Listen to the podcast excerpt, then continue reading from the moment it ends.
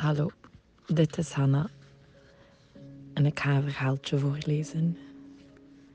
Het is een verhaaltje van Toon Tellehem en het komt uit het boek Als we samen.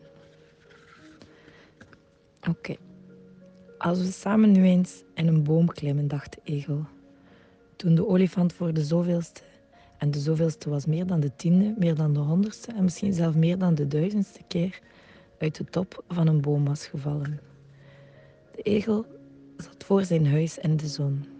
Hij hoorde de klap en zag een stofwolk tussen de struiken in de buurt van, in de, buurt van de eik. Ik zou hem voorlaten, dacht hij. Hij weet weg.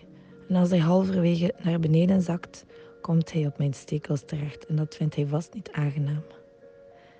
Hij zag ze samen al omhoog klimmen de olifant met zijn slurf om de takken en hij met zijn stekels tegen de stam.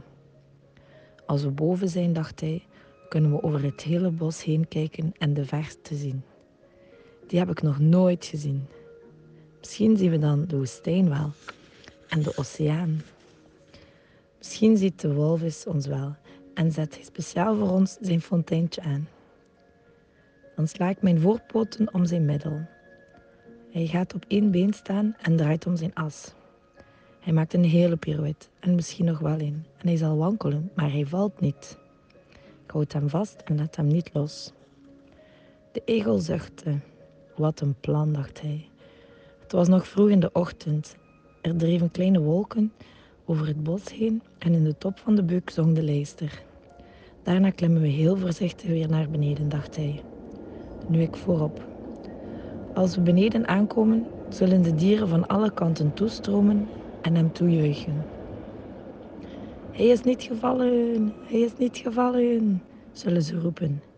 En hij zal glunderen en misschien mij bedanken. En als hij dat vergeet, is het ook niet erg.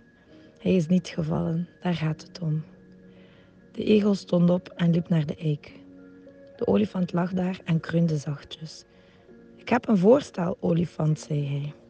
Ik ben gevallen, fluisterde de olifant.